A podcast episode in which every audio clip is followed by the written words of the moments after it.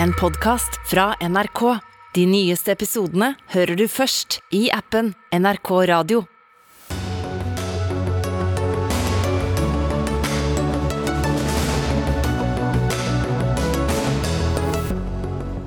Forsvaret får hard kritikk for sikkerheten i sine informasjonssystemer. En av de mest alvorlige rapportene Riksrevisjonen noen gang har lagt frem, sier riksrevisoren. Byrådet i Bergen risikerer mistillit. Rapporten om grov svikt i barnevernet har mer enn nok sprengkraft i seg til å felle byrådet, sier Bergens Tidenes politiske redaktør. Donald Trump saksøker nyhetskanalen CNN for ærekrenkelse. Trump kan tjene mye på dette, selv om han ikke vinner, sier vår gjest. Rødt vil gjenopprette Sjøheimevernet. 130 fartøy og 2000 soldater for en billig penge, sier de. Høyre la det ned, og mener vi klarer oss godt med det forsvaret vi har. Velkommen til dagens utgave av Dagsnytt 18 i NRK P2, NRK1 med Ugo Fermariello.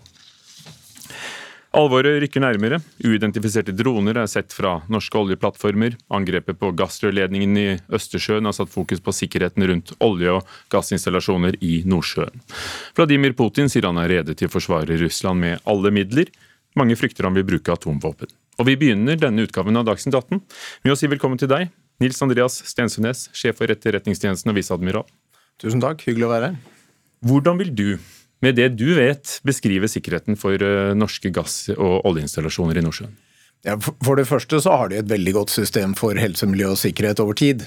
Og så har Norge nå styrket kontrollen i Nordsjøen ganske betydelig etter det som skjedde i Østersjøen og observasjonen av dronene. Så vi jobber sammen med våre partnere i PST, NSM, politiet og Forsvaret. Og så har Forsvaret og politiet sammen gjort ganske mye for å øke sikkerheten på sokkelen. Så det er stort samarbeid. Det er overlappende felt. Hva er de Etterretningstjenestens ansvar?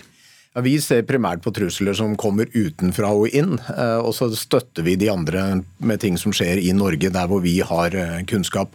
Men innenfor territorialgrensen så er det jo PST som er hovedansvarlig. Norge er en av de største leverandørene av energi til Europa, men det er vel umulig å overvåke rundt 9000 km med, med gassrørledninger. Så hva skal vi gjøre da? Altså det er en stor, det er, Sokkelen er stor, norsk territorialfarvann er stort, og det er en veldig veldig stor næring. Men det er jo ikke snakk om å overvåke hver millimeter hele tiden. Det er også prøve å holde kontroll på de aktørene som eventuelt kan gjøre noe mot, mot disse installasjonene. Og Det er det vi fokuserer på nå. Holde kontroll på eventuelle militære, ikke-militære enheter som måtte kunne komme inn i området. Og så avdekke om det er forsøk på å gjøre forberedelser til eh, sabotasje eller etterretningsinnhenting. Har dere avdekket tilfeller av forsøk på sabotasje, ting som da ikke har lyktes fordi dere har avdekket det? Jeg vil ikke gå inn på sånne konkrete tilfeller, men sikkerheten i Nordsjøen generelt sett er god. Kan det være allerede plassert installasjoner, altså sprengstoff osv. på installasjonene våre? Ja, altså, du kan aldri garantere, men sannsynligheten for det er lav. Men hvor mye vet vi? Hvor mye vet du om uh, i dette tilfellet, det er det snakker om russisk aktivitet og operasjoner som angår oss? Vi har jo Nordsjøen, men vi har også en grense mot Russland. Ja. Nei, Russland har vært aktive eh, på etterretningssiden mot Norge lenge, og det følger vi jo nøye med på for å se hva de gjør. Eh, og vi følger nøye med å ha god kontroll på militære eh, ressurser og ikke-militære som brukes, altså eventuelt mot Norge. Russerne har vært aktive, og Norge har vel vært aktive? Ja, altså Vi har et ansvar for å passe på Norge, og det, det, gjør vi hver eneste dag sammen med våre gode partnere. Og Hva vet vi om den aktiviteten du refererte til, som russerne har bedrevet? Nei, I våre nærområder nå så er det normal aktivitet. De driver og øver og trener og tester materiell på, på samme måte som de egentlig har gjort tidligere, til tross for krigen. Den store forskjellen er at i våre nærområder så er tre fjerdedeler av landstyrkene altså sendt ned til Ukraina og er med i kampene der nede. Når det gjelder marinefartøyer og fly etc., så er aktiviteten som normalt. Og så forventer vi utover høsten som normalt også noe økt aktivitet og testing av veldig mye forskjellige systemer i, på russisk side. Men det er altså normalt? Ja, det er normalt. Og det er jo det vi følger nøye med på, å se om det er noe avvik fra normalen. Dere i Etterretningstjenesten har jo ansvaret for å se på trusler utenfra. Og én ting som har vi har merket oss, er jo den feiringen med pomp og prakt i, i Kreml av innlemmelsen, som de sier selv, altså annekteringen av fire østlige fylker i Ukraina, som Russland nå hevder er russiske. Folkerettslig sett er de fortsatt ukrainske, det er det ingen tvil om. men Russland eh, sier at de vil forsvare seg med alle midler. Altså, det er en antydning av bruk av atomvåpen, og spørsmålet er hvor sannsynlig er det at Russland vil bruke atomvåpen? Ja, Russland har eh, snakket om atomvåpen fra denne krigen begynte. Eh, og Hensikten med det er jo å påvirke Vesten og Ukraina, og påvirke Vesten for å gi minst mulig støtte til Ukraina. Den retorikken har vart gjennom hele krigen, og den har tilpasset seg utviklingen i krigen. Nå ser vi at de skjerper eh, retorikken noe og er mer direkte. Og Det har nok sammenheng med at eh, har, uh, Ukraina har betydelig fremgang på slagmarken, også i disse fire fylkene som nå Russland sier er russisk territorium. Men så er det å gå derfra til å bruke atomvåpen, det er et veldig stort skritt. Da er nytten av atomvåpen mot ukrainske styrker vil være liten. De opererer spredt, de opererer med små enheter. Så den militære nytteverdien vil være begrenset. Og så vil reaksjonene fra Vesten være kraftige. Og så vil også kostnadene i form av reaksjoner fra Russlands tradisjonelle partnere sannsynligvis også være betydelig. Så det for Russland å gå til det skrittet vil være et veldig, veldig stort skritt. Og hvilke atomvåpen snakker vi om? Nei, eh, Hvis vi snakker om atomvåpen her nede, så er det taktiske atomvåpen. Det er med mindre kjernefysiske ladninger, eh, men de vil fortsatt ha en betydelig sprengkraft sammenlignet med konvensjonelle våpen. Men retorikken bryter vel det tabu som har vært siden andre verdenskrig, og i det hele tatt rasle med disse sablene? Ja, det, det, er et betydelig skritt å begynne å snakke så tydelig med, om, om atomvåpen, og eventuelt bruk av atomvåpen. Du har vært sjef for Etterretningstjenesten i snart to år. Og det har skjedd mye på de to årene. Har, dere, har du lagt om også hvordan dere jobber og hva dere ser på? Ja, Vi må tilpasse oss situasjonen. Vi endrer oss ut fra egentlig tre betingelser. Det første er den eh, politiske og sikkerhetspolitiske situasjonen. Det andre er våre oppdragsgiveres behov. Og så er det teknologi. Og da er det På lang sikt så er det jo egentlig fremveksten av Kina som eh, vi må fokusere på. På kort sikt så er det selvfølgelig krigen i Ukraina som gjør at vi må endre oss. Og Det gjør også at vi må oppdatere våre oppdragsgivere vesentlig hyppigere enn tidligere. Men norske etterretningstjenesten vil alltid først og fremst ha fokus på våre nærområder, og det kommer ikke til å endre seg. Eh, og så er det i tillegg da teknologien som endrer seg. Vi blir stadig mer digitale, og vi må tilpasse oss en digital hverdag, vi som alle andre. Hva betyr det i praksis? Nei, det betyr at vi må eh, investere i uh, innhentingsmetoder i det digitale sfæren, altså i, på nett. Ja, det, det, vil være alle mulige digitale virkemidler for å hente informasjon generelt. Takk skal du ha, Nils Andreas Stensynes, Stensundnes, sjef for Etterretningstjenesten, for at du kom.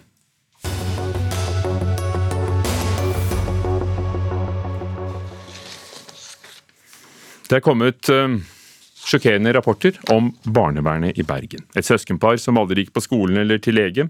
I januar ble den ene innlagt uh, med underernæring på Haukeland sykehus. Og i august en syv år gammel gutt som ble funnet hardt skadet og fastbundet i sengen i en leilighet 32 dager etter at faren hans, som nå er siktet for grov mishandling, selv ba barnevernet om hjelp. Disse sakene kan felle enten hele byrådet i Bergen eller byråden med ansvar for barnevernet. I dag varslet SV mistillit, og flere partier vurderer å gjøre det samme. Jeg beklager på det dypeste, dere skulle har blitt hjulpet lenge før. Dette var dine ord i dag, Roger eh, Valhammer, byrådsleder i Bergen fra Arbeiderpartiet. Ja, hvorfor ble ikke barna hjulpet før? Vi ser jo av de to rapportene du eh, viser til, eh, at det har vært flere feil og feilvurderinger når det gjelder syvåringen som altså ble funnet bonde i sin egen seng og har blitt mishandla av sin voldelige far.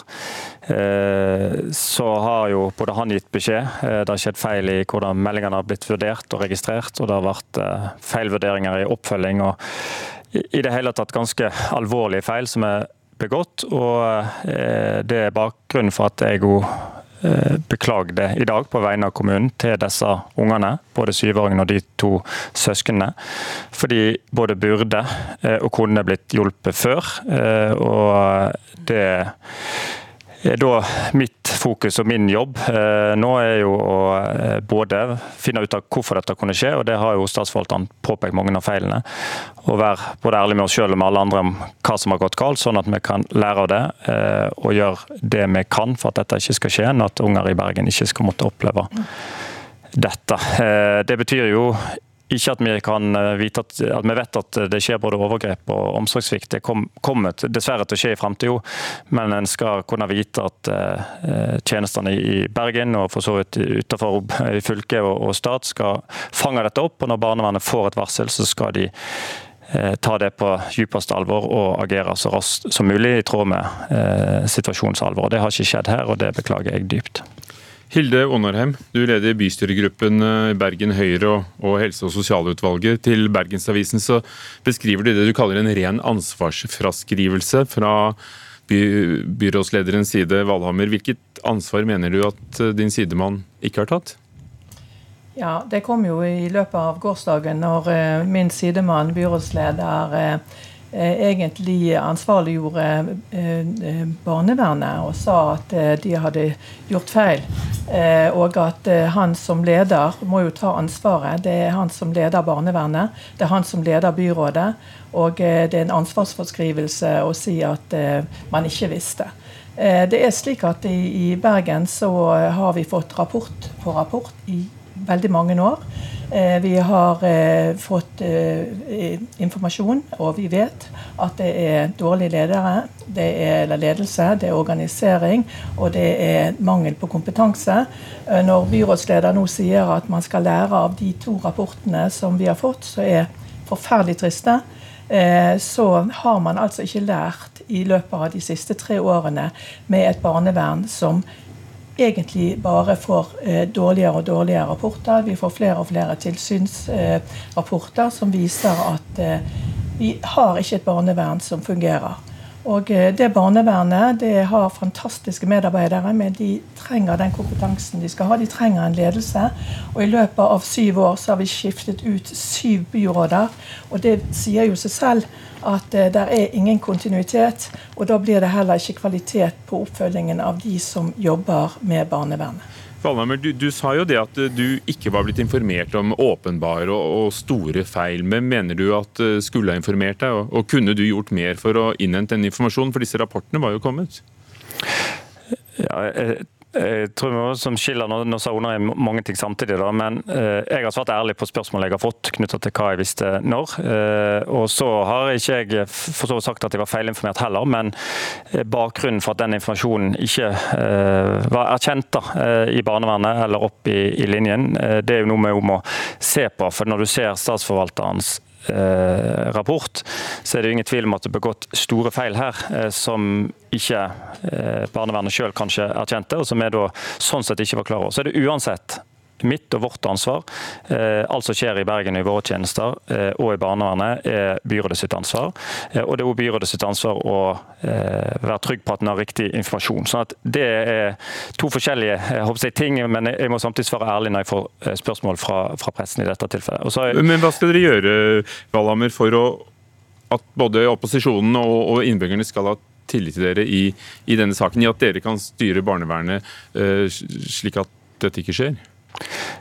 Jeg har lyst til å i fall ha sagt det, siden Onarheim kommer med noen påstander knyttet til hva som har skjedd de siste årene. så er det klart at eh, Spesielt etter Fjell-rapporten, som er kjent her i Bergen for to og et halvt år siden, så er det gjort store grep i barnehage. Det er innført mange tiltak, og det har skjedd mange forbedringer som har vært riktige og viktige. og Barnevernet er eh, på et bedre sted i dag enn for, for noen år siden. og Det viser også den siste revisjonsrapporten som Deloitte eh, har utarbeidet. Samtidig så viser den at vi har et godt stykke igjen å gå.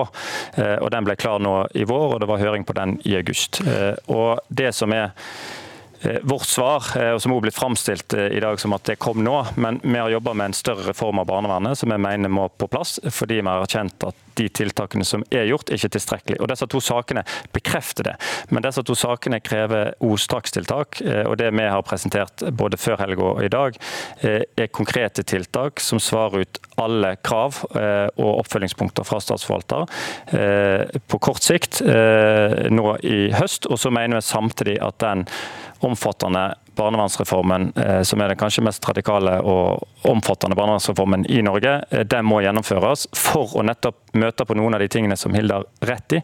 Eh, at vi fortsatt har utfordringer med hvordan det er organisert, hvordan det er styrt, ledelse osv. Men la oss da høre med Hilde Onarheim, unnskyld at jeg avbryter dere i Bergen, men jeg hadde lyst til å høre med deg, Onarheim. Når vi hører om en omfattende reform, beklagelse nå, og strakstiltak, er ikke dette betryggende nok for deg? Nei. Det er ikke betryggende. Og den omfattende reformen, den kjente ikke vi til. Eh, vi har, eh, vi har, i bystyret krevd eh, at byrådet skal iverksette over 32 vedtakspunkt som vi, eller tiltak. Vi har ikke sett så veldig mye av de. Vi vet at noen er igangsatt. Men at man er i gang med en, en reform som heter Bergens nye barnevern, det ble vi kjent med i, under høringen. Eh, og eh, jeg tenker at den eh, reformen den gir iallfall ikke svar på alle de utfordringene dette barnevernet har. Vurderer dere mistillitsforslag mot byrådet? Ja, det gjør vi absolutt. Og vi skal ha et, et gruppemøte på torsdag hvor Høyres bystyregruppe skal vurdere mistillit. Ja. Valhammer, sitter dere utrygt, du og ditt byråd? Altså mitt fokus har vært nå å gå inn i disse sakene. Eh, og det har også gjort meg eh, Altså jeg er enig i alvoret som beskrives her. Eh, veldig enig i det. Dette er ja, det, ja, Jeg vet egentlig ikke hva ordet jeg skal bruke, for det er ganske rystende når det gjør vondt langt inn i hjerterota å vite at denne gutten f.eks. kunne blitt hjulpet før, og at det ikke har skjedd.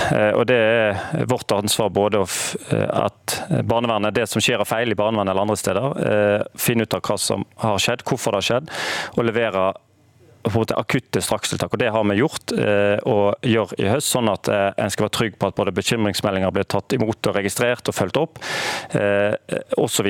Men når vi snakker om denne reformen, så er det en langsiktig reform som kommer til å ta noen år. Så det løser ikke på en måte utfordringene på kort sikt.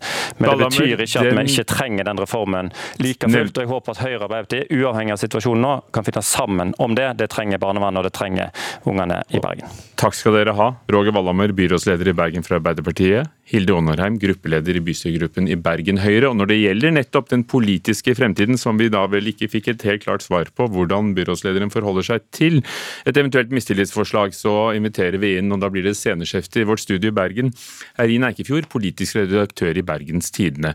Hun skriver ingen bør være sjokkert hvis byrådsleder Roger Valhammer får et mistillitsforslag i fanget når han endelig kommer seg hjem fra seilas. Fordi han var nettopp eh, på seilas på statsråd Lemkuhl mens det har stormet i Bergen og kom nå hjem en dag før tiden. Men Rina Eikefjord, tror du byrådet kan berges? Det kommer helt an på hvordan både opposisjonen og byrådsleder Roger Valhammer forholder seg fremover. Det som har skjedd nå er at SV har varsla et mistillitsforslag mot fagbyråd Katrine Nødtvedt, altså ikke hele byrådet. Og Spørsmålet er jo en, stiller byrådsleder seg bak henne og setter hele byrådet inn på den saken? Og to, er det noen som fremmer mistillit mot hele byrådet? Og nå skal jo alle opposisjonspartiene måtte ta stilling til dette i sine grupper. og I løpet av de neste dagene så vil jo det bli klart hvordan de forholder seg til denne saken. Hvor mange må de få med seg for å få et flertall bak et mistillitsforslag? Er det, er det sannsynlig at det vil lykkes, når det da er Høyre, Frp, Rødt og Folkets parti alle vurderer mistillit? Eh, byråd, eh, bystyret har 67 representanter. Eh, mistillit krever simpelt flertall, dvs. Si at man må ha med seg 34. Sånn som det ser ut nå, så må nok Høyre være med for at det skal bli. En klarer å finne flertall uten SV. Og, men en skal nå ha med seg ganske store deler av opposisjonen for å få det til. Og dette her er jo det er ingen som er uenige om alvoret her. Dette er en sak som er så alvorlig at den er egnet til å felle både byråd og, eh, altså fagbyråd og hele byrådet.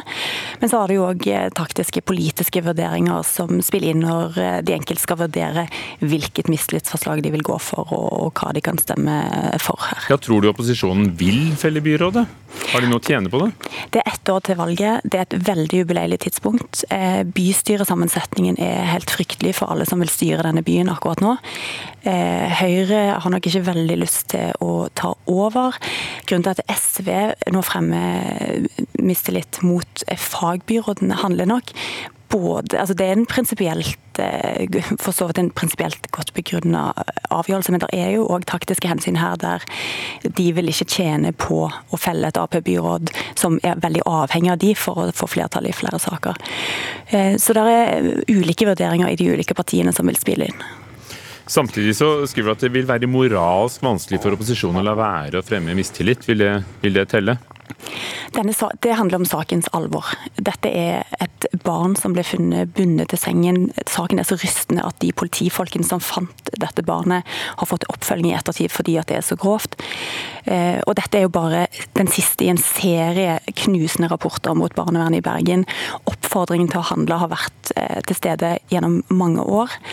Og eh, byrådsleder har bytta ut veldig mange ansvarlige byråder, sånn at man ikke har kunnet plassere ansvaret på noen andre enn Katrine Nødtvedt som har sittet her i en knapp måned og håndtert dette feltet. Så veldig mye taler for mistillit i denne saken. Og hva skjer da i bergenspolitikken, tror du? Det er jo akkurat et KrF gikk ut av byrådet, det er akkurat ganske nydannet det vi har nå. Ja, da blir det jo eh, enda mer politisk kaos i Bergen. Timingen er ikke god for noen. Og da gjenstår det å se om eh, Høyre vil gå inn og ta over et slags forretningsministerium for å sikre at byen har ledelse. Så, så, mye blir uklart da, og det er ingen gunstig situasjon eh, for verken byen eller de involverte. Takk, Eirin Eikefjord, politisk redaktør i Bergenstidene.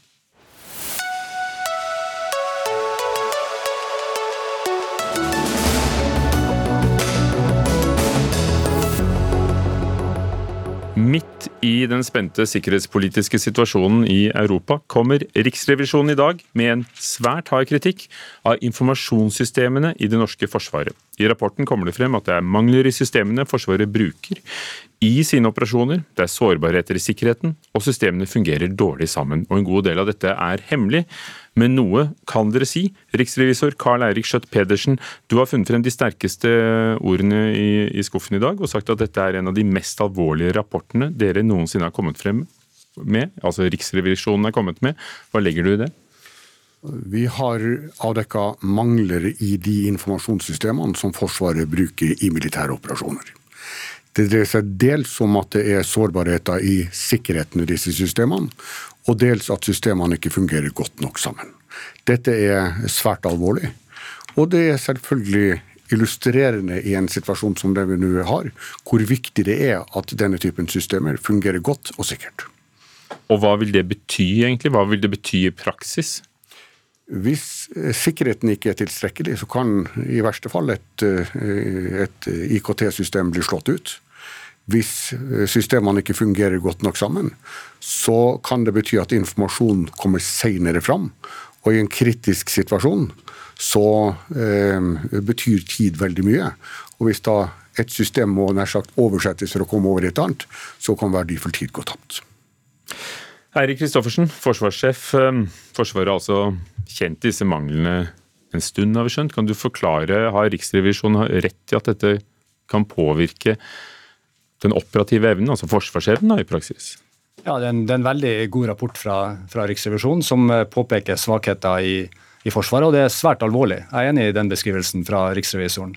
Eh, spesielt på det som går på si, den digitale grunnmuren, altså hele grunnlaget for, for hvordan Forsvaret driver sin, sin eh, informasjons- og kommunikasjonsvirksomheter internt i Forsvaret, men også opp mot allierte. Så det vi, det vi har gjort de siste årene, er å, og siden Riksrevisjonen starta undersøkelsen, er å prøve å lukke noen av de avvikene. Og, og vi har lukka en del av de, men det, selve grunnmuren er fortsatt uh, for dårlig. og det har ikke blitt noe bedre siden riksrevisoren uh, påpekte sine, uh, sine avvik. Tvert imot så har systemene egentlig bare blitt to og et halvt år gamlere siden undersøkelsen skjedde. Så det er det, det, som er det mest alvorlige. Det vi har gjort, er å lukke kan du si, systemer som, som vi kan gjøre noe med. og Det går på, på antall systemer vi har. Det har vi fått ned. Vi har blitt bedre på samvirke mellom hær, sjø og luftstyrker og allierte. Det så vi også under Cold Response gjennom et system som kalles sikker informasjonsutveksling. Og så har vi blitt bedre på å avdekke digitale angrep eh, siden rapporten ble skrevet. Men det gjenstår fortsatt mye arbeid, som, eh, som riksrevisor også påpeker. Karl Erik Skjøtt Pedersen, hvem har forsømt seg hittil siden dette har kunnet skje? Forsvaret har jo i lang tid erkjent problemene, men man har så langt ikke evna å gjøre tilstrekkelig med dem. Derfor er det viktig det som forsvarssjefen her sier, at man nå tar tak i dem. For det er helt avgjørende at det må tas tak raskt. Og Her ser vi at det er flere viktige forhold som spiller inn. Det ene er som forsvarssjefen sier, at eh, man har så mange system at Forsvaret og forsvarsmyndighetene har problemer med å ha oversikt over eh, de ulike systemene. Det har vært um, uklare ansvarsforhold. Eh, det er en mangel på kompetanse. Det er jo mangel i samfunnet generelt på IKT-kompetanse, men det blir særlig alvorlig når det er innenfor eh, Forsvaret. Og sist, men ikke minst, så tror jeg vi må erkjenne at det har vært dårlig ledelse både når det gjelder prosjektledelse og overordna eh, styring. Eh, derfor er det helt avgjørende at man nå tar de takene som jeg forstår også Forsvaret da sier at de er i gang med. Men vi vil følge opp denne rapporten allerede etter ett til to år for å forsikre oss om at man nå kommer på en riktig kurs. For dette er svært alvorlig, og derfor er det viktig at det tas raskt. Bjørn Arild Gram, forsvarssjef. Eh, er du overrasket over situasjonen? situasjonen? Ja, i hvert fall forsvarsminister. Ja, sjefen er også, men du er minister. Ja, altså, jeg, jeg deler jo eh, den alvorlige kritikken som, som Riksrevisjonen her kommer med. Det synes jeg det er presise beskrivelser av de utfordringene vi har. Det er veldig alvorlig. Her har det vært forsømmelser tidligere og et arbeid som ikke har vært godt nok. Eh, nå er vi jo dog i gang med en rekke tiltak for å ta tak i dette. Noe er enklere å gjøre noe med enn andre ting. Vi har jo økt innsatsen for større cybersikkerhet. Vi investerer nå i IKT-system som gjør at de ulike enhetene og, og, og, greinene i Forsvaret skal kunne kommunisere bedre med hverandre, f.eks. Men så er det også, som forsvarssjefen her sa, at kanskje den største bekymringa er litt av denne grunnmuren, de grunnleggende systemene. Det, det vil ta tid å få retta opp dette. Men det er et politisk ansvar du, du har da, å sitte med? Selvfølgelig er det mitt politiske ansvar. Det ansvaret tar jeg. Eh, Nå hører vi at i, i statsbudsjettet som kommer på torsdag, så skal Forsvaret være vinneren. Kan det bety at kanskje dere må prioritere litt annerledes og det, det er, bruke litt mer på dette? Det er krevende å rette opp mange års forsømmelser her. og, og det, den Rapporten her handler jo om årene 2017 til 2020. Men jeg kan bekrefte at vi i statsbudsjettet kommer med ytterligere satsinger når det gjelder cybersikkerhet og når det gjelder investering i IKT, som skal gi oss større kampkraft og bedre samhandling i Forsvaret. 2015-2017, la oss tenke oss om, da, da var det Solberg-regjeringen. Er det deres skyld? Jeg mener jo at uh, dem som styrte Forsvarsdepartementet i åtte år før eh, vi overtok for mindre enn et år siden, må erkjenne et betydelig ansvar her.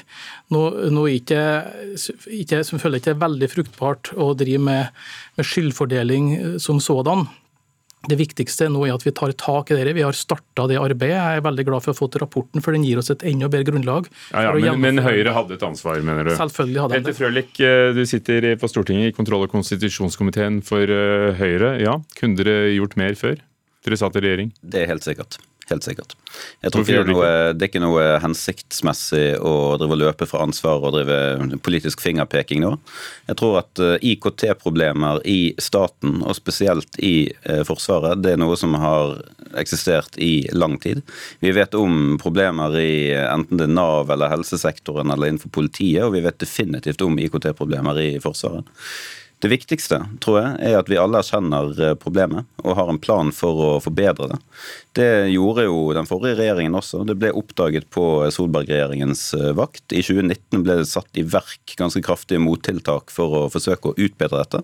Så kan ikke vi garantere eller sitte her nå og si at alt løser seg med det, men det ble iallfall adressert. da. Og så håper jeg, og har egentlig sterk tillit til, at dagens regjering tar dette på alvor. Det er gode signaler fra, fra forsvarsministeren, og jeg tror at vi sammen kan eh, dra dette i land på en eh, mye bedre måte enn hva som har vært tilfellet tidligere. Jeg synes det er veldig bra at det virker å være en ganske bred enighet om de utfordringene som vi her ser, og betydningen av at man raskt iverksetter nødvendige tiltak. Og så er jo i tillegg, når vi ser det fra Riksrevisjonens side, noe som eh, både de politiske myndigheter og Forsvaret må tenke grundig gjennom, det at vi dessverre har sett i rapport etter rapport at det har kommet betydelig kritikk rundt styring i Forsvaret. Vi har sett det i rapporten om helikoptre, vi har sett det i uh, objektsikring, vi ser det nå i denne rapporten.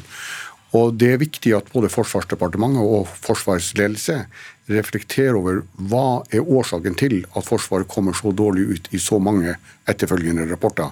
La oss ta den ballen og gi den til Eirik Kristoffersen. Altså, Penger har de jo tydeligvis nok av. Altså, kjøpt jagerfly for en mengde milliarder kroner. Og, øh, men når det gjelder altså, disse små tingene, som tydeligvis er så viktige det, det, er ikke små ting. Altså, det er ganske store ting. Den hele digitale grunnmuren ja, det, det, er det. Det er mindre enn jagerflyinvesteringer. Men, eh, men det, er, det er som eh, det ble sagt her, altså, det er egentlig ikke pengene det står på nå. Det er å finne de gode løsningene. Spesielt på den digitale infrastrukturen. Der, eh, er vi dårligere enn andre land, tror du? Eller er dette så stor Det er så vanskelig og så kompleks at, at her er det hull overalt, og så gjelder det bare å prøve å holde tritt? Ja, det, det, er ganske store hull i, i, hele Nato på det her med interoperabilitet og det de kaller digital backbone, som er deres ord for det jeg kaller digital grunnmur. Og Betyr det da at, at fienden kan hacke seg inn og ødelegge? Er det så enkelt? Ja, Det er jo det riksrevisoren påpeker kan skje. Og så har vi jo sett at det har ikke skjedd på våre systemer eh, selv etter invasjonen i Ukraina. Så, så jeg vil si at eh, den fragmenterte styringa som også riksrevisoren påpeker, det kjenner jeg meg også igjen i. Vi har jo eh, fire etater i forsvarssektoren. Eh, Forsvarsbygg, Forsvarsmateriell, Forsvarssjefen, eller Forsvaret og eh, Forsvarets forskningsinstitutt. Og alle de fire etatene eh, ser et, et potensial for både å avklare ansvar og myndighet mellom, og ikke minst eh, eh, bli enda bedre på samhandling. og Det arbeidet har vi starta. Og de handler ikke om penger alltid? Det handler ikke om penger, nei. Nei da, og Det er satt av betydelig med midler også til IKT-feltet i Forsvaret framover. Eh, jeg tror vi er inne på noe sentralt nå, det er noe jeg jobber mye med og vil, komme tilbake til. å være forsvarsminister noen måneder og ser nettopp der utfordringene. Det er bredere utfordring enn bare IKT-diskusjonen, som Skjøtt Pedersen var inne på. Altså, vi har styringsutfordringer eh, i vår sektor, og det er for mye ansvarspulverisering. Og Det er vi nødt til å gjøre noe med. Eh, vi må se på hvordan vi styrer forsvarssektoren, som forsvarssjefen er inne på. Ikke minst er det viktig at forsvarssjefen sjøl har et større helhetlig ansvar i sektoren. Frølik? Jeg tror det er også viktig å huske på at det heldigvis ikke sånn at dette kommer som et sjokk på Eh, de ansvarlige i dag. Dette er jo problemer som har vært eh, adressert i noen år. Eh, det er allerede startet et godt arbeid. Jeg synes det er betryggende å høre forsvarssjefen som forteller hvordan de har jobbet så langt. Og så skjønner jeg at dette ikke er noe man fikser over natten. De programmene som pågår nå, de har jo en, en lang tidshorisont. Vi vet at det er snakk om åtte, kanskje ti år før dette er fullt i havn. Men jeg, har, jeg, jeg føler meg sikker på at dette Eh, fører til at vi som nasjon eh, blir tryggere, og at vi får et sterkere forsvar. Etter det grundige og gode arbeidet som Riksrevisjonen har, gjort. Ja, Riksrevisjonen dere er jo Stortingets eget eh, kontrollorgan. Karl Eirik Skjøtt Pedersen, hvor, hvor sårbare er Forsvaret nå, da? Vi er dårligere forberedt enn det vi burde og kunne ha vært. Når det gjelder de konkrete sårbarhetene, så inngår det i en konfidensiell rapport som jeg ikke kan eh, kommentere. Men det overordna vi slår fast i dag, er at her er mangler. Her er sårbarheter i sikkerheten, og her er manglende samvirke mellom de ulike systemene. At dette er svært alvorlig. Og så syns jeg det er veldig vesentlig at det synes å være en så bred enighet om at utfordringa er der, og at det må tas tak i. For Det er vel ikke så vanskelig å være enig om når du skriver det sånn, men er, er det Forsvaret selv som burde, burde, ha ordnet opp? Er det virkelig politikerne som skal ha innsikt i, i hvordan systemet styres og sikkerheten lages? Grunnleggende sett så har jo forsvaret, eh, Forsvaret selvfølgelig et ansvar. Forsvaret og forsvarsmateriell har det. Eh, overfor Stortinget så er det forsvarsministeren som har, har ansvaret. Men det vi ser i den rapporten, det er at det eh, på ulike tidspunkter så har man vært enige om at noe burde gjøres men man har faktisk ikke klart å gjennomføre det man har vært enige om. Og Viktig årsak til det har vært at ansvaret ikke har vært oppfatta tydelig nok. Og det her understreker at det har vært en fragmentering av ansvaret. Men som du nikker nå, Bjørn Arild Gram, forsvarsminister fra Senterpartiet, så, så, virker det som du har oppfattet dette ansvaret nå? Ja, og det var det jeg prøvde å si i stad, nemlig det her eh, hvor ansvaret er plassert, og hvordan vi styrer sektoren, sånn at det ikke blir så fragmentert. Det er litt i kjernen av utfordringer. Vi har for lite gjennomføringsevne i sektoren. Det går for seint med en del ting. Vi skal vi skal, drive, vi skal effektivisere Forsvaret, det, tar, det går for seint. Investeringsprosjektene våre blir ofte forsinka og for dyr. Og så har vi nå da det her IKT-utfordringene. Så dette er et, et bredere bilde. Eh, og Derfor er det en viktig sak for meg å også få, få gjort de nødvendige endringene i styring av denne sektoren. Jeg synes det er en eh, veldig fornuftig konklusjon. Og så vil Riksrevisjonen altså følge opp, ikke om tre år som vi normalt vil gjøre, men etter ett til to år, pga. at dette er så viktig. Takk skal dere ha. alle sammen. Karl Eirik Skjøtt Pedersen, riksrevisor. Eirik Kristoffersen, forsvarssjef. Peter Petter Frølich fra Høyre på Stortinget. Og Bjørn Arild Gram, forsvarsminister.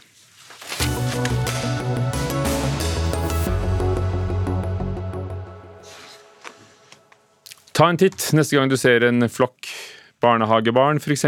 Mye rosa og blått, og hvis et spedbarn er iført rosa body, så antar vel de fleste at det er en jente. Måten vi kler våre barn er likevel langt fra likestilt.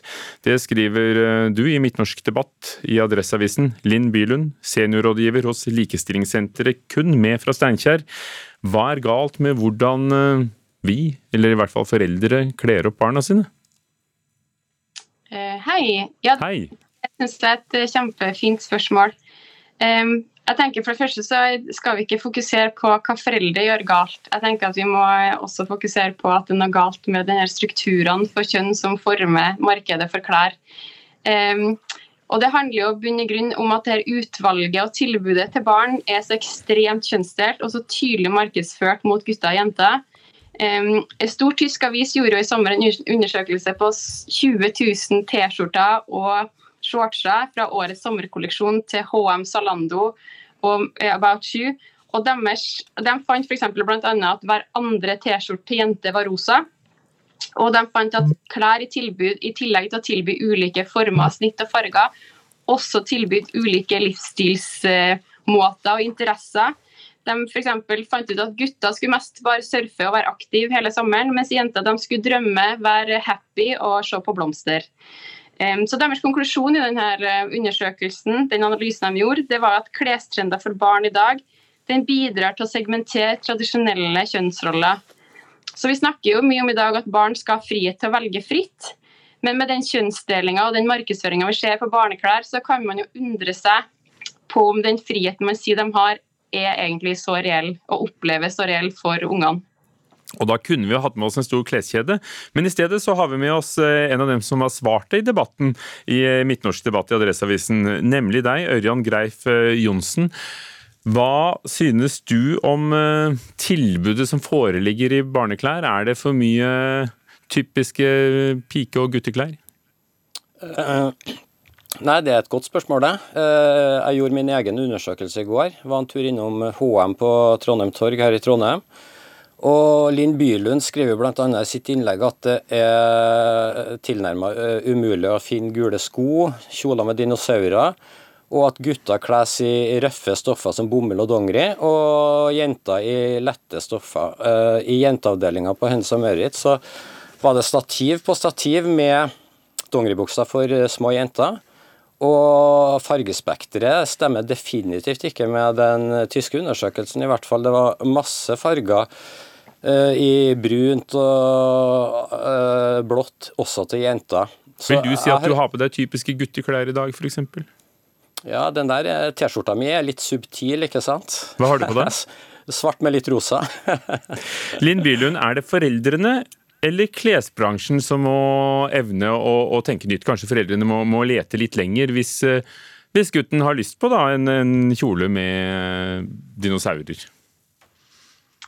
Altså, jeg tror jo at uh, klesbransjen må ta et stort ansvar for det her. De har jo gjort en aktiv beslutning på denne kjønna markedsføringa. Uh, det skjedde allerede på 80-tallet, når Reagan åpna for at man skal få lov til å markedsføre direkte til barn. Da skjønte de at her er det potensielt et megamarked. for at Hvis vi klarer å skjønne at de har lyst på to forskjellige ting, så kan vi også tvinge foreldre til å kjøpe to forskjellige ting hvis man har barn av ulike kjønn. Uh, og det tror jeg det har, det har forsterka seg med årenes gang, også med kjøpekraft. Uh, som gjør at man i dag ser at det er utrolig lønnsomt å sitte og markedsføre veldig kjønna produkter mot gutter og jenter. Jonsen, du tror ikke at du, du, kanskje selv er litt sånn offer for markedsføringen? da? At, at handelsstanden gjerne vil selge et produkt to ganger? Det er klart, og det gjelder jo både barn og voksne. Men jeg føler at eh, Linn Bylund eh, altså at eh, hun vil fortelle en historie der kartet ikke stemmer med terrenget. Fordi at Hun skriver jo også det at måten vi, måten vi kler våre barn på Altså, Vi, vi kler gutter i dongeri, røffe stoffer, sånn at vi esler dem til en fremtidig mørk dress. Altså, mener Hvor mange menn går i mørk dress daglig på jobb? De går i arbeidsklær, jeans, sandaler på jobb. Uh, og at vi forteller jentene at de ikke skal, ikke skal søle på seg, at de skal være forsiktige. Men jeg tror faktisk at de aller, aller fleste foreldre vil at barna skal leke og bli skitne. Uh, og komme hjem og ha hatt en fin dag i barnehagen. Uh, sånn at Min opplevelse av hennes innlegg er at hun prøver å tilpasse på mange måter klesbransjen til, til eh, altså hvordan vi oppdrar gutter og jenter da, eh, til typiske kvinneroller, typiske mannsroller. Linn Bylund, hva sier du? Det, har du tatt feil av terrenget når du tegner ditt kart? Eh, det vil jeg jo definitivt mene at jeg ikke har gjort. Eh, og nå vil jeg også påpeke at jeg tror at det er flere menn som går på jobb i dress enn med sandaler. Vi hadde jo tre fine dresskledde menn her nettopp. Eh, som også snakka om forsvar. Bare jo, men Da snakker du om statsråder og forsvarssjefer og sånn? Det er klart, det gjør vi helt klart. Og det er forskjell på daglig klesdressing. Men jeg tror poenget her er jo å snakke om at de klærne er jo et uttrykk for et samfunn som har et veldig sterke kjønnsroller. Som har sterke normer for hvordan kjønn skal se ut. Og det er sosialt eh, skapt at vi har så sterke forventninger til hvilke egenskaper som ligger hos gutter og jenter. Og så forsterker vi det gjennom måten vi snakker til dem på. Forventer dem si tøff og kul til guttene, si søt og snill til jentene.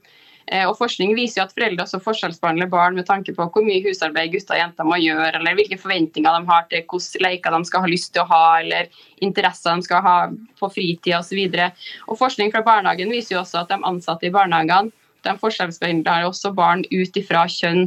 Så jeg tror absolutt ikke det her er noe som jeg har sittet og kommet på meg sjøl, men det viser jeg også gjennom forskning at eh, vi har en ganske tydelig kjønnsdeling i våre samfunn. Og de har noen, det har noen virkninger på, på, sikt også, hvordan vi eh, behandler ungene våre, hvilke forventninger vi har dem, hvilke klær de får tilbud om. Vi blir jo ved med å gi ungene våre veldig kjønnsdelte klær og veldig kjønnsdelte leker. Men Bylund, du, sier, du, skriver jo i innlegget ditt at gutter går i dongeri. Altså, du, Ta en tur på Hennes og Maurits eller Kubus. Det er masse dongeribukser for jenter.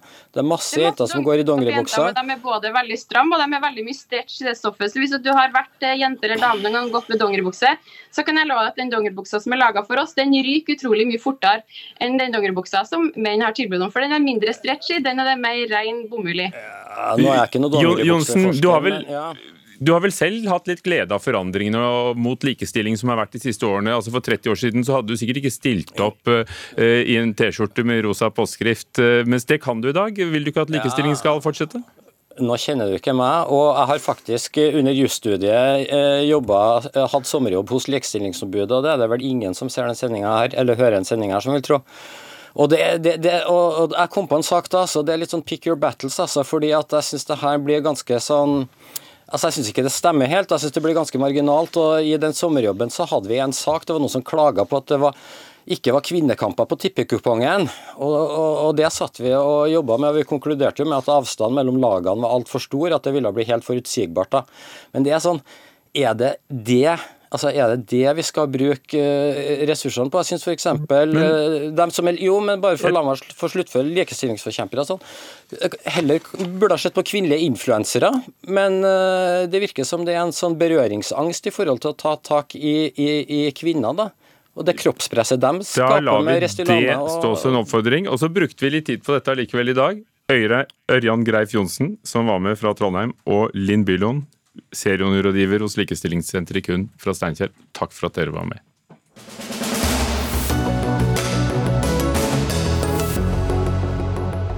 Donald Trump, tidligere president i USA, mener at CNN har krenket ham ved å kalle ham for rasist, og saksøker kanalen for 475 millioner dollar, det er over 5 milliarder kroner. Han anklager CNN for å ha ført en svertekampanje mot ham, fordi kanalen frykter at han vil stille som presidentkandidat igjen i 2024. Tove Bjørgaas, vår USA-korrespondent med oss fra Washington DC. Dette er kanskje et foreløpig siste, nyeste kapittel i forholdet mellom Trump og den kjente nyhetskanalen? Ja, og de, de, har jo hatt et eh, tett eh, forhold lenge, de.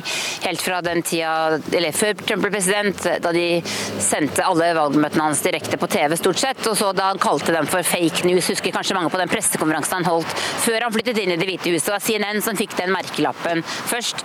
Og nå kommer altså dette store søksmålet, og det, han, og det er ganske harde, harde ting han anklager eller Advokaten etter Trump eh, saksøker CNN for her, for å ha kalt han rasist, for å ha kalt han Hitler i flere innslag i løpet av dette året. Eh, og, og også for å ha kalt han en opprører eh, i, i, i stormingen, som, som, var med på å lede an i, i forhold til stormingen av Kongressen. Og, så mener man at CNN altså ignorerer det som skal være da mer positiv informasjon og omtale om ham. Ja, det eh, mener også advokatene. De mener at de har drevet en kampanje mot Trump lenge. At dette er en heksejakt på presidenten, eh, og at de har drevet med det i, flere år. Og Dette er jo en del også av den mediekrigen som vi vel må si eh, har rast her i USA lenge. Og, og det at, alle nyhetene, og CNN også har blitt ekstremt politiske de siste årene. og Etter at Trump flyttet inn i Det hvite hus, så ble jo CNN, som altså hadde sendt veldig mange av kampanjemøtene hans direkte på TV fordi var, de, de, ga veldig gode seertall. De ble jo ekstremt kritiske til presidenten veldig fort, og begynte jo en, en, en type kampanjejournalistikk mot han som kan ligne på den vi har sett på Fox News mot uh, kandidater som demokratene har.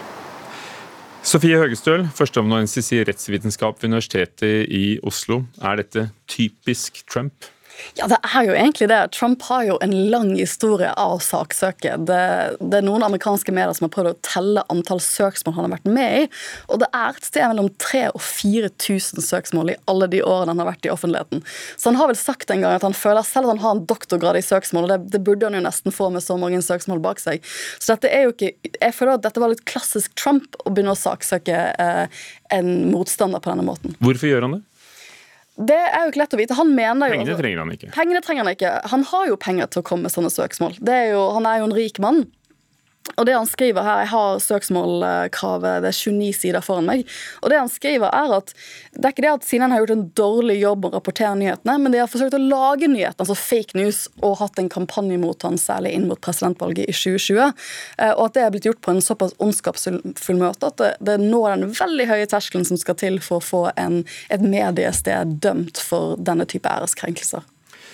Tove, denne, mm, dette søksmålet som ble levert inn til domstolen i Fort Lauderdale i Florida i dag, det, det sammenfaller jo med at en eh, veldig kjent New York Times-journalist, Maggie uh, Habermann, kommer med sin bok om Trumps tid i Det hvite hus, uh, 'Confidence Man'. Den blir lansert i dag. Denne timingen, er det, er det en avledningsmanøver, kanskje?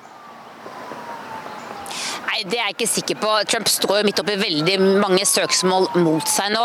Eh, og den etterforskningen av disse dokumentene som ble hentet ut fra Mar-a-Lago bl.a. Så, så det er jo kanskje også en svar på, på, de andre søksmålene og det presset han nå står overfor i den viktige tida som kommer, når han nå skal avgjøre om han skal fortsette å være eh, politiker og kanskje stille som presidentkandidat i, i 2024. Men denne boka til Maggie Hairman som heter 'Confidence Man', den skildrer jo også en, eh, en mann som Det er en slags biografi av Trump som, som, som beskriver mye av, av, livet hans også før han flyttet inn i Det hvite huset. og Da sto også søksmålene i, i, kø. Han har alltid brukt domstolene aktivt, Trump. Og, eh, og han har på en måte gått på. Eh, eh jeg husker jeg laget en gang en podkast om en ja, Det var vel en slags sånn ja, motivasjonsmann, en, en, en, fyr som drev med, med, med, å motivere folk, en slags eh, coach, som snakket om at Trump var en mann som der fortiden ikke eksisterer. Han legger ting bak seg. Han legger ikke anklagene til CNN bak seg, kanskje, men han, men han legger, eller det CNN kalte han for, men han, han, han, måte, han går bare på. Han, tenker ikke på hva det kommer til å koste. Han, ser framover hele tiden. Vi gjør deg aktiv eh, utrykning i Washington DC i dag, eh, Tove Bjørgaas. Sofie Høgestøl, hvordan kan Trump bruke søksmålet i kampen om å bli president igjen? Ja, for dette er jo midt i kjernen av det han liker å snakke om. Og det er mainstream media som lager falske nyheter uh, og, og, begår heksejakt mot han. Og Det var jo mye av det han snakket om når han stilte som presidentkandidat i 2016. Og han varslet jo i løpet av sommeren at han vurderte å ilegge søksmål til en del av mediene som har vært kritiske mot han. Og nå begynner han jo med det. Og det er jo ofte det man har sett når han har vært forretningsmann og kommet med søksmål, så er det ikke nødvendigvis det at han tror han kommer til å vinne frem med søksmålene, men han gjør livet litt kjipere for motparten, for de må, de må jo svare på dette for en domstol. Og så er det jo også en måte å få masse medieoppslag. At vi sitter her og snakker om det i Norge. Så nå har han jo fått ut budskapet sitt om at han ikke liker CNN, og, og, og mener at de bl.a. da lager falske nyheter rundt valget i 2020 f.eks.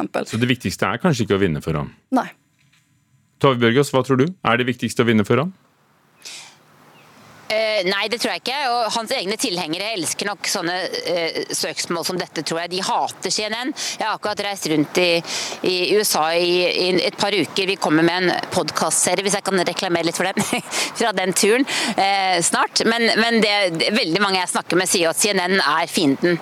Så Sånn sett så tror jeg blant sitt kjernepublikum så slår dette søksmålet an. Blir om, hvordan blir det omtalt i dag?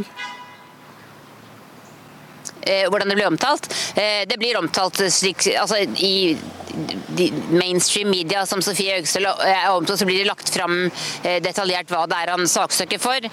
På den andre siden av mediene så, så er det mer drøfting rundt hva, hva CNN har gjort. Så dette blir, blir, politisk motsatt som veldig mange andre ting i, i, USA. Men det er ikke veldig, veldig mye snakk om det. Det er veldig mye som skjer her eh, nå som, som får større oppmerksomhet enn dette. Ja, altså, CNN er jo en litt, uh, det er en overgangsperiode. De har ny sjef. Uh, og De har jo hatt mye intern diskusjon visstnok på om de driver for mye med meningsjournalistikk. Og De har valgt å ikke svare i dag. og Det blir jo spennende hvordan de møterkommer det søksmålet i uken som kommer. Takk skal dere ha. Sofie Høgestål, førsteamanuensis i rettsvitenskap, Universitetet i Oslo. Tove Bjørgaas, vår kvinne i Washington.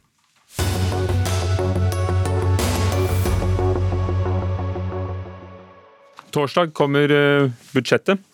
Rødt foreslår å gjenopprette Sjøheimevernet når eh, statsbudsjettet da legges frem for neste år og skal behandles. Det sa Bjørnar Moxnes, eh, partileder til Dagsavisen, i går. Sjøheimevernet, som eh, vi kanskje husker, ble nedlagt i 2017 etter en heftig debatt blant både politikere og folk i Forsvaret. Det var Høyre, Fremskrittspartiet og Arbeiderpartiet som sikret flertall. Senterpartiet var sterkt imot og kalte det hele forkastelig.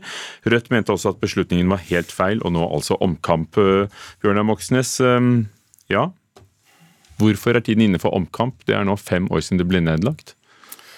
Eh, det er fordi at til havs så har vi jo Sjøforsvaret, og til lands så har vi Hæren og Heimevernet, men på kysten så har vi ikke så veldig mye. Eh, vi hadde 2000 eh, soldater mobilisert, 130 små og store fartøy, 63 kystmeldetropper og også fire dykkertropper. Oppgaven var å, å sikre territoriet vårt eh, ut til 12 mil, men først og fremst å drive objektsikring langs kysten primært å trygge norske olje- og gassanlegg, altså som Mongstad, eh, Kårstø, Kolsnes og også Nyhavna eh, i Molde. Så dette her er jo infrastruktur som nå regnes som kanskje noen av Europas viktigste sabotasjemål, som er avgjørende for eh, å få energi til Europa gjennom disse rørledningene, men også installasjonen er avgjørende for å kunne, kunne skille ut gassen og få eksportert den. Så vi håper jo at det nå er rom for en litt fordomsfri diskusjon uten noe prestisje. Vi har ikke behov for å rakke ned på det som skjedde for eh, fire-fem år siden, men ønsker en reell diskusjon om det ikke er på tide å gjenopprette Sjøheimevernet. Det kosta på slutten 80 millioner i året, en veldig liten sum, men ga mange øyne og ører langs kysten som vi ikke dekker med andre kapasiteter. Husk at premisset for å ja. uh, Du har fremført mange argumenter. Hårek Elvenes i utenriks- og forsvarskomiteen for uh, Høyre på Stortinget. Dere sikret uh, var med på å få det nedlagt. og når, når, vi er i en ny sikkerhetspolitisk situasjon, vil det være en billig måte å få øyne og ører langs kysten? Jeg merka meg jo at denne diskusjonen er kommet opp etter sabotasjen mot gassledninga i Østersjøen. Eh, og vi må jo huske på at eh, bekjempelse av denne type sabotasjer, det er jo spesialstyrkene sitt ansvarsområde. Eh, at det kan være et behov for å styrke tilstedeværelsen og årvåkenheten i kystsonen, ja, det er absolutt et poeng. Men da tror jeg det er mer fornuftig å bygge på det eksisterende HV.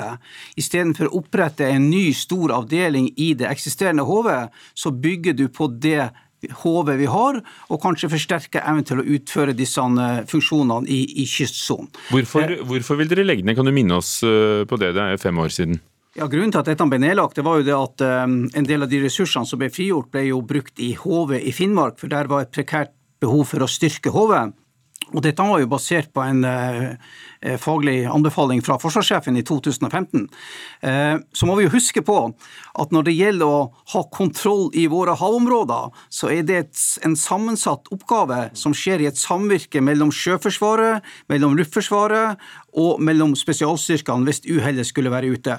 Altså Et sjøheimevern vil jo aldri ha evne til å kunne overvåke kablene, gassledningen på dypt vann, men veldig mange av de funksjonene som lå i det gamle sjøheimevernet, ble jo overført til dagens HV, f.eks. dykkerlag og kystmeldeposter. Og Dette kan være kapasiteter som det kan være aktuelt å forsterke innenfor dagens HV, for å oppnå det som eh, Moxnes er ute etter. Men å reintrodusere det gamle Sjøheimevernet, det tror jeg nok hører fortida til. Det var aldri hensikten å skulle vokte eh, havområdene utafor tolvmilsgrensa. Det må Sjøforsvaret ta seg av med store havgående fartøy. Det er kysten vi snakker om. Der har vi veldig få andre kapasiteter. og Forutsetningen for nedleggelsen var bl.a. at vi skulle erstatte Sjøheimevernet eh, med droner. Men de var så dyre at det ble eh, aldri noe av. Så har jeg merka meg at eh, Ståle Ulriksen, som er forsker ved Sjøkrigsskolen, har uttalt at det var en, en kjempetabbe å legge ned Sjøheimevernet. Ikke minst fordi russerne har lagt om fra å ha en stor havgående marin til også å ha mindre fartøy, flere små korvetter, også mindre ubåter, som kan ta seg inn langs norskekysten kysten. Og Hva er det disse skulle, da? Disse sammenlignet med, med resten av Forsvaret ganske utrente styrkene. Hva er det de skulle gjøre? Du, Det var også innsatsstyrker, men det var først og fremst folk som hadde lokalkunnskap til kysten, eh, noe du vanskelig kan få, kan få kjøpt eh, for, for, kroner, eh, og som kjente kysten ut og inn. og Det er jo en, en, en, fordel som en motstander ikke vil ha. og Det var lett å gripe dem, det var lett å mobilisere dem. Det var raskt man kunne få sjekka ut hvis det var noe som var mistenkelig, som kunne være en trussel, og få avklart om det var grunn til ytterligere tiltak. Den kapasiteten kan fort reetableres, fordi de folka her finnes fortsatt. Mange her har forsvarsviljen intakt og ønsker å bidra, men HV er jo kutta fra 80 000 til 40 000. De mangler jo også folk, så det er jo åpenbart mulig, hvis det er vilje til å se med litt friske øyne på dette forslaget. Moxnes er jo ikke helt alene om dette, og Rødt, som han selv påpekte, Sjøkrigsskolen Ståle Ulriksen kalte det håpløst dumt, men også tidligere leder i Sjøheimevernet og forsker og lærer der. Det, altså, det er flere. Ja da, det har jo for så vidt vært en evigvarende diskusjon i marin og Sjøforsvaret å finne balansen mellom den havgående marin og et kystnært forsvar. Ehm, og Det er mange ting som tyder på at vi bør styrke det, men vi har altså gjort Eh, betydelige tiltak for å kunne ha bedre oversikt og situasjonsforståelse også i våre nære kystområder. Eh, vi har da P8, vi har F-35, vi har bl.a. Det er overvåkningsflyet, det med tallerken på taket. ikke sant? Enorme sensorer. Og vi har eh, nye kystvaktfartøy med sensorkapasitet. Og vi ser nå at politiet også etablerer sensorkapasitet på plattformene i Nordsjøen. Man må ha en realistisk forestilling hva et slikt sjøheimevern kan utføre. For dette er så sammensatt og så avansert at det må møtes i et samvirke mellom ulike typer avdelinger med ulik teknologi. Og Derfor så blir det litt eh, snevert å eh, fremstille reintroduseringa av Sjøheimevernet som løsninga på et sammensatt problem. Mener du at disse, disse nye eh, metodene som Elvenes nevner, ikke, ikke holder? Jo, men Det er et samvirke, det har Elvenes helt rett i. og Så er det en brikke som mangler i samvirket, og det er å ha eh, tilstrekkelig med folk som har lokalkunnskap og som kjenner kysten ut og inn. Og så vil jeg bare minne om at Kostnaden var i siste driftsår på 80 eh, millioner kroner for hele Sjøheimevernet. siden om inflasjonen også, ja, vil du ikke blitt det. Hvor mye penger vil du foreslå på torsdag at uh, vi skulle bruke på det? Ja, vi foreslår 100 millioner, men jeg bare minner om hva det tilsvarer. Altså 8 millioner tilsvarer én av kontraktene eh, som var i fjor, for å levere låser og beslag til forsvarsbygg i en av regionene i Nord-Norge. Så summen for eh, både å gjenopprette Sjøheimevernet eh, og drifte det, eh, er veldig liten i forhold til en del av de virkelig store og tunge investeringene, og ikke minst driften av bygg i Forsvaret. Og det å ha de styrkene tilgjengelig med sin lokalkunnskap i et samvirke med andre deler av Forsvaret, tror vi er fornuftig for å sikre sjøsiden av Det er kanskje ikke av penger som er viktigst for dere Hårek Elvenes, når det gjelder disse prioriteringene? Boxes blander jo en, rekke, en rekke forskjellige forhold der som egentlig ikke har noe med hverandre å gjøre. Men la oss utvikle det HV vi har i dag, slik at det har en større evne til å ivareta de oppgavene som ligger i kystsonen. Det vil være en fornuftig løsning. Hårek Elvenes fra Høyre, Bjørnar Moxnes fra Rødt. Gro Arneberg hadde ansvarlig ansvaret for det hele i Dagsnytt 18. Ida Laral Brenna for det tekniske og Ugo Fermarello var programleder. Takk for i dag. Du har hørt en podkast fra NRK.